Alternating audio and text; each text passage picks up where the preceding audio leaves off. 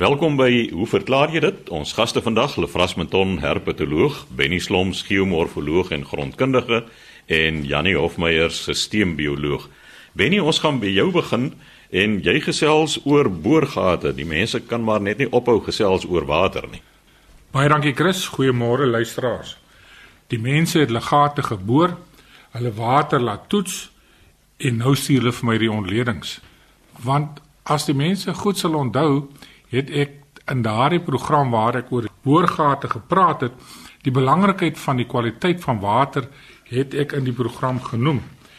Nou so kry ek 'n brief van Marie Swanepoel van welgelegen hier in die noordelike voorstede en sy skryf as volg: Sy sê haar seun het 'n boorgat laat sak en die persoon wat die gat geboor het, het as deel van die pakket ook die water laat toets. Nou Marie het glad nie vir my daardie onledingsresultate gestuur nie, maar jy sê wel na bewering, dis seker volgens hierdie boorman is die sout en ysterinhoud te hoog en die suurinhoud te laag. Nou vra sy wat is die aanvaarbare vlakke van bogemelde vir tuin en huishoudelike gebruik. Dit gaan hier oor die anorganiese ontleding. Maar kortliks die pH van water kan enigiets wees van 5 tot so 9. Onthou net water is 'n ongebufferde stelsel en hy kan baie maklik verander Die EC, die elektriese geleiding wat 'n aanduiding is van die soutgehalte, die totale soutinhoud van jou water, moet verkieslik minder wees as 170 millisiemens per meter as jy dit in die tuin wil gebruik. Hoe laer hierdie syfer, hoe beter is die water. Indien hierdie syfer minder as 70 millisiemens per meter is, dan is dit eintlik uitstekende water vir huishoudelike gebruik. Nou die totale opgeloste soutte, die TOS in die water moet nie meer as 1200 mg per liter of dele per miljoen wees nie. En ons weet dat die belangrikste kation wat in water voorkom is natrium wat vir jou die sout gee en dit moet verkieslik minder as 200 dele per miljoen wees. Yster minder as 2 of gelyk aan 2 dele per miljoen. Indien daar baie opgeloste yster in jou boorgatwater is, dan sal dit oksideer sodra dit met lug in aanraking kom en alles sal dit rooi vlek. Nou dit is wat drinkwater betref. Vir tuine is dit moeilik om 'n n-syfer te gee. Dit hang alles af van watse plante jy in jou tuin het. Ons kry plante wat baie meer gevoelig is vir soutte as ander en indien jy swak water het van swak kwaliteit, dan plant jy gewasse wat daardie swak water kan hanteer. Vir tuine pH so tussen 6,5 en 8,4 en die soutinhoud moet minder wees as 635 millisiemens per meter of 3800 dele per miljoen. Nou dit is nogal baie sout en mens sal hierso plante gaan insit wat vanaf jou ariede gebiede kom waar die reënval laag is, waar jou grond in elk geval baie soute het en uh die geluk wat jy het daar in die welgeleë omgewing is dat in 'n normale reënjaar is die reënval in die omgewing van 700 mm. So indien daar soutte so akkumuleer as jy sulke soutwater het, dan sal dit ook uitwas gedurende die winterseisoen.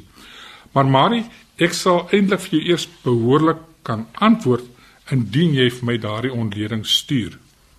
Jy het gesê nou van uister in die water wat die mure so rooi kleur in die tuine maar wat se effek sal dit as drinkwater kan mens uh, die water drink as daar baie uister in is Ja wat indien nou ook baie magnesium in die water het dan het die water so metaalagtige smaak wat nie baie lekker is nie om die uister uit die water uit te kry is relatief maklik jy moet die water in 'n tank pomp sodat hy in aanraking kan kom met suurstof. Die yster sal oksideer en sal op die bodem van die tank neerslaan as 'n ferry verbinding. Dit is net dat indien jy mure plaveisel oprit daarmee benat direk uit die boorgat uit, dan gaan dit vlek.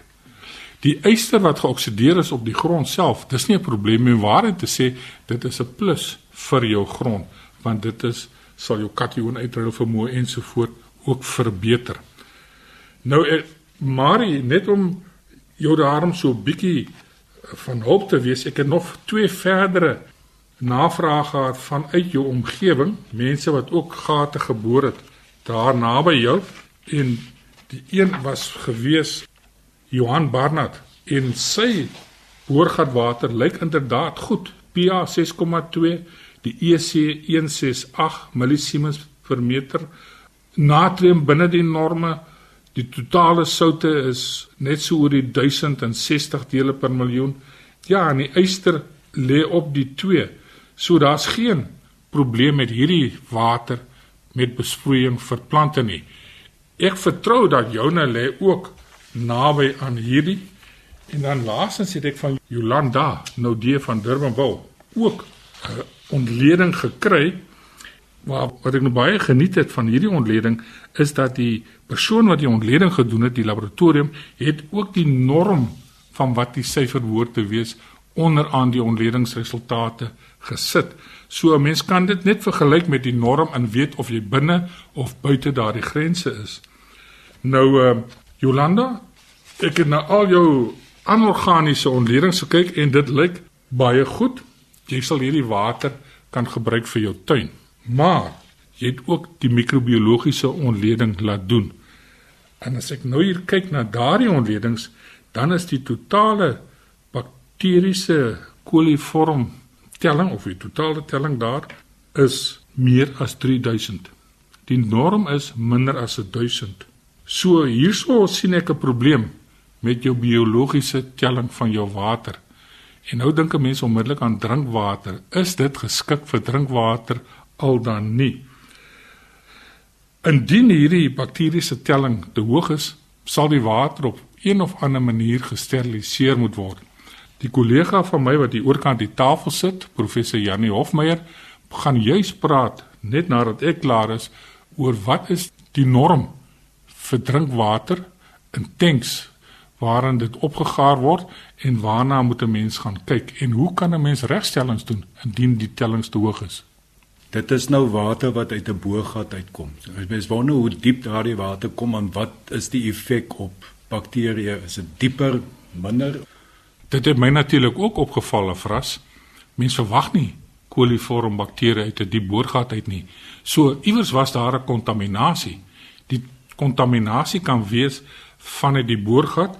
Ons is nie seker nie dalk is dit soos die Engelse sê 'n well point wat afgedruk is waar daar laterale kontaminasie kon plaasvind het of die kontaminasie kon dalk binne in die tank plaasvind het.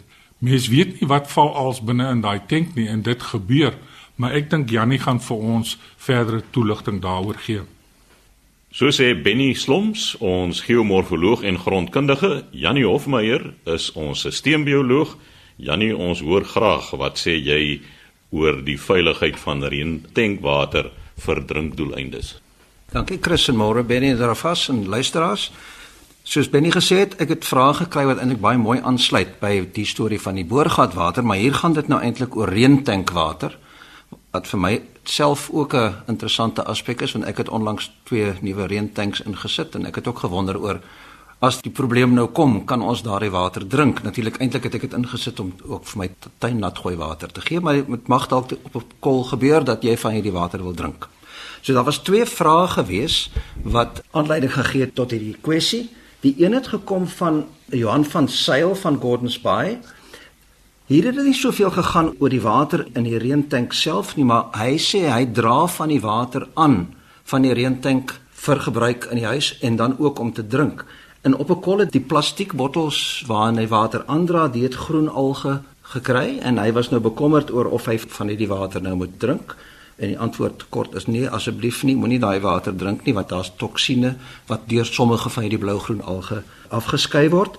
Maar hy het natuurlik intussen nou die bottel skoon gemaak, maar hy is nog steeds bekommerd of mens nou van hierdie water kan drink of dit nou alge in het of nie. Die ander vraag het gekom van uh, Leon Hugo, hy het dit nie presies gesê nie. Hy sê net uh, waar hy bly nie. Hy sê iewers in die Suid-Kaap langs die see. Klink na 'n lekker plek om te bly. Maar hy het ook 'n reënwatertanke geïnstalleer en hy het so 'n skuimagtigheid op die water waargeneem en hy het gewonder wat dit is en ook gewonder of dit dalk die water nou verander sodat mense dit nie kan drink nie. Nou moet ek dadelik sê ek weet nie wat die skuimagtigheid veroorsaak op die water nie. Dit mag wees dat op die opvanggebied die dak daar miskien seepagtige verbindings is wat dan skuim veroorsaak as dit binne in die tank val. Maar in die algemeen dink ek nie dit is 'n noodwendige probleem nie en dit kan opgelos word met behandeling soos wat ek later 'n bietjie gaan verduidelik. Maar kom ons praat eers so 'n klein bietjie net oor die algemene veiligheid van reënwater. En reënwater is eintlik redelik veilig om te drink. Maar as dit in 'n reëntank gestoor word, dan moet dit daarom onderhou word. Dit is nie vreeslik 'n moeilike proses nie, maar mens moet tog jou hand daarop hou. Maar as die water helder is en nie vreemd ruik of vreemd smaak nie, en dit kom uit 'n goed onderhoude reëntank, is dit waarskynlik heeltemal veilig om te drink en sal nie gesondheidsprobleme veroorsaak nie. Maar sal natuurlik nie kwaad doen om die water eers te kook en sodoende te disinfekteer nie, want dit sal natuurlik die bakterieë doodmaak en dit sal dieselfde geld vir die hoë inhoud van koliform bakterieë. Dis een manier ten minste om van die bakterieë dood te maak. Dis sou ek nie sê die beste manier nie. Ons kom later by 'n beter behandeling. Maar dit is natuurlik so dat die microbiologiese inhoud selfs van reënwater nie so goed is soos dit wat uit die kraan uitkom nie. Boorgatwater is waarskynlik erger. Daar's 'n groter moontlikheid van kruiskontaminasie selfs deur riool wat in die grondwater in kontaminasie veroorsaak. Maar as die reënwater goed onderhou word, dan is die gevaar van skadelike organismes redelik laag. So, 'n ander ding wat mens kan doen, as jy nou wel die water gekook het, as jy wil seker maak dat die bakterieë gedisinfekteer word, natuurlik kan jy dit met 'n gewone waterfilter ook behandel. Want dit haal organiese materiaal uit omdat daar aktiewe koolstof in sulke filters is, in Engels um, activated charcoal. En dit haal ook spore van kloor uit. Die reuk en die smaak van kloor, dit word ook verwyder deur hierdie waterfilters en dit is natuurlik as mens nou kloor gebruik het om om jou tank bietjie te onderhou. Maar kom ons kyk 'n slaggie net na reënwater self. Waar kom dit vandaan en wat het dit in voordat dit eintlik in die reëntank kom? So reënwater verskil van gedistilleerde water deurdat dit kontaminante uit die atmosfeer soos byvoorbeeld stof of atmosferiese gasse, nitrate en nitriete opvang en natuurlik in areas waar daar 'n sterk lugbesoedeling is, dan kan daar ook van hierdie besoedelingsmateriaal wat in die atmosfeer voorkom in die water dan oplos.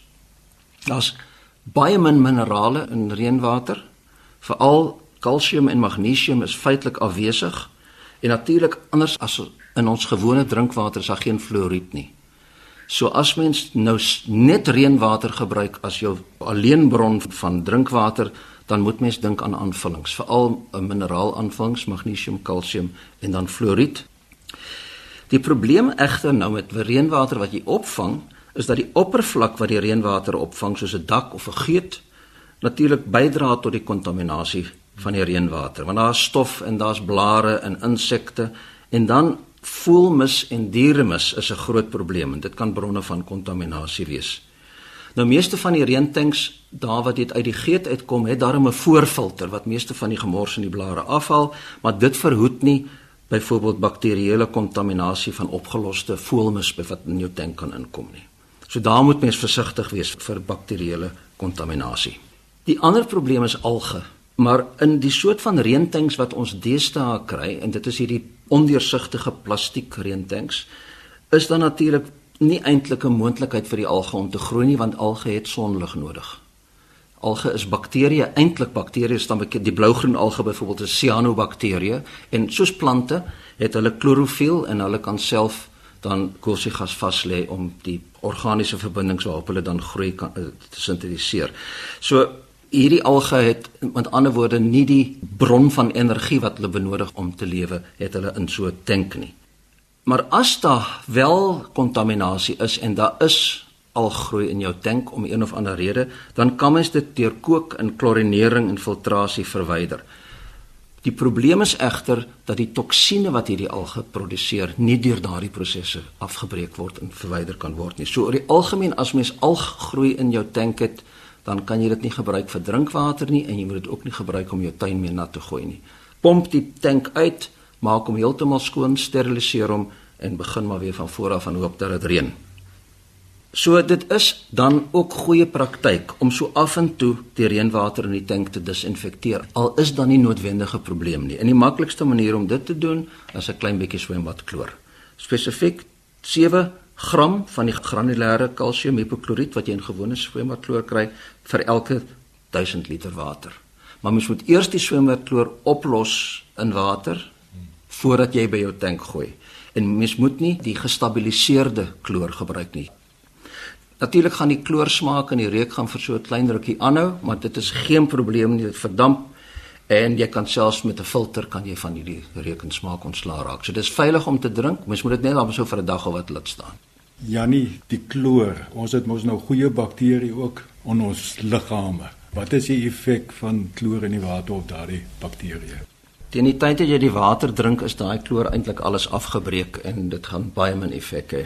Onthou net voordat die kloor by die bakterieë uitkom, gaan dit eers deur jou maag en daar suur en wat verder help om die kloor af te breek.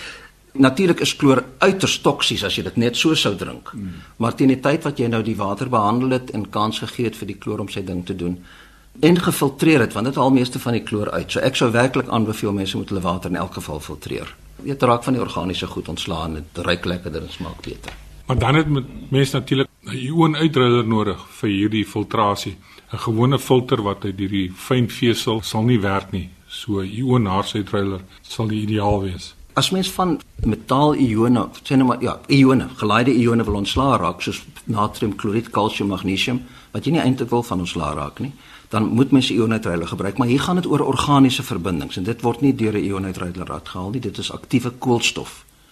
En meeste van hierdie van hierdie filters wat jy koop in die supermark, daai wit plastiek houertjies, dit het geaktiveerde koolstof in. As mens hom oop sou spreek, dan is dit alles swart materiaal wat daar uitkom. So dis vir organiese verbindings. Jannie, ek het gehoor heelwat boere in die Suid-Kaap, as jy nou op die plase daar rondry, dan sien jy oral geboude watertanks wat nou reënwater van die dak af opvang en dit is gebruik in die huis as reënwater. Nou een van my swaars, hulle het ook vir baie jare op die stelsel gewerk en toe praat ons eendag juis oor al die goed wat nou van die dak afspoel. En toe het hy gesê die manier waarop hulle dit suiwer en niemand het ooit siek geword nie. Hulle het 'n baie bekende blykmiddel, ek weet nou nie watter hoeveelheid op die tank se inhoudsmaat hulle bygevoeg het nie, maar dit is 'n baie kort handelsnaam wat begin met 'n J en hulle het net dit daar ingegooi en daar niemand ooit siek geword van die water. Was so, dis natuurlik presies dieselfde, dis in die geval nou nie kalsiumhipokloriet nie, maar natriumhipokloriet en dis vloeibare kloor. Jy moet net aanpas want die beskikbaarheid van die kloor byvoorbeeld in granulêre swembaddkloor is omtrent 75% terwyl in gewone 3 liter kloor blykmiddel wat jy koop is 'n 12.5%. So jy moet bietjie meer bysit. Dit is omtrent so ver ek kan onthou 4 ml van die blykmiddel per 100 dink ek ja. 40 ml per 1000. Die luisteraars moet net bietjie kontroleer of dit reg is, maar ek dink dit is 40 ml van die blykmiddel per 1000 liter van die water. Nou ja, ek wil amper sê Jannie, George, laat hy val waar hy wil. Dit was dan Janie Hofmeyer, ons sisteembioloog wat gesels het oor die veiligheid van reentankwater vir drinkdoeleindes. Lefras, hoeveel kleintjies kan 'n pofadder kry? Chris, ons het hier 'n brief gekry van Ria Lakok en sy sê sy het 'n pofadder in die reënwater tank. Nee, nee, eksport maar. Voor julle nou opgewonde raak. sy sê hulle het nou onlangs gesien hoe twee pofadders paar en sy wonder nou hoe lank is die draadtyd en wat is die gemiddelde aantal addertjies wat nou gebore word. Ja, as mens oor praat oor pofadder, ek het so voor die opname het ek met Benny 'n paar woorde gewissel en hy het daar die liderlike uitdrukking op sy gesig gekry toe ek praat van pofadders. Hy sê, "Ha, die goed. Dit is tog interessant dat die Pofadder is seker die slang wat die beste bekend is in Suid-Afrika en ook verantwoordelik is vir die meeste slangbuite. En as mens kyk na sy verspreiding, hy kom oor die hele suidelike Afrika voor. Daar's nie 'n plek waar jy hom nie sal kry nie. En daar's tot 'n dorp wat na Pofadder vernoem word. En Benny het vir my gesê die mense wat daar woon word genoem Pofadders. Ek het gedog is dalk Pofadderite of sommer net Pofadders, maar is Pofadders. Nou ja, Pofadder is natuurlik een van die groep van die slange wat die giftande, baie lang giftande wat voor in die mond sit en hulle kan terugvou in die verhemelte en dan as hy die mond oopmaak, vou daardie tande uit, lang tande. En die pofadders, die meeste adders is bekend dat hulle baie vinnige byters is. Die kop is reeds teruggetrek as hy lê en dan teen 'n geweldige spoed word daai kop vorentoe geskiet om te byt. Pofadder word so 90 cm is die is die grootte gemiddeld 1 meter dan is dit 'n groot pofadder maar daar is al een aangeteken 1 en 'n half meter. Dit is meer in die noordelike dele. Dit is geweldig groot. Nou natuurlik ons vrees vir pofadders is omdat hulle lê in die voetpaadjies mens sien hulle raak jy trap op hulle nie soos ander slange wat hulle gee pad nie En dit is tog interessant dat dit is 'n deel van die pofadder se manier om predasie te vermy dat hy self geëet word is om so min as moontlik self te beweeg want dan word hy raak gesien.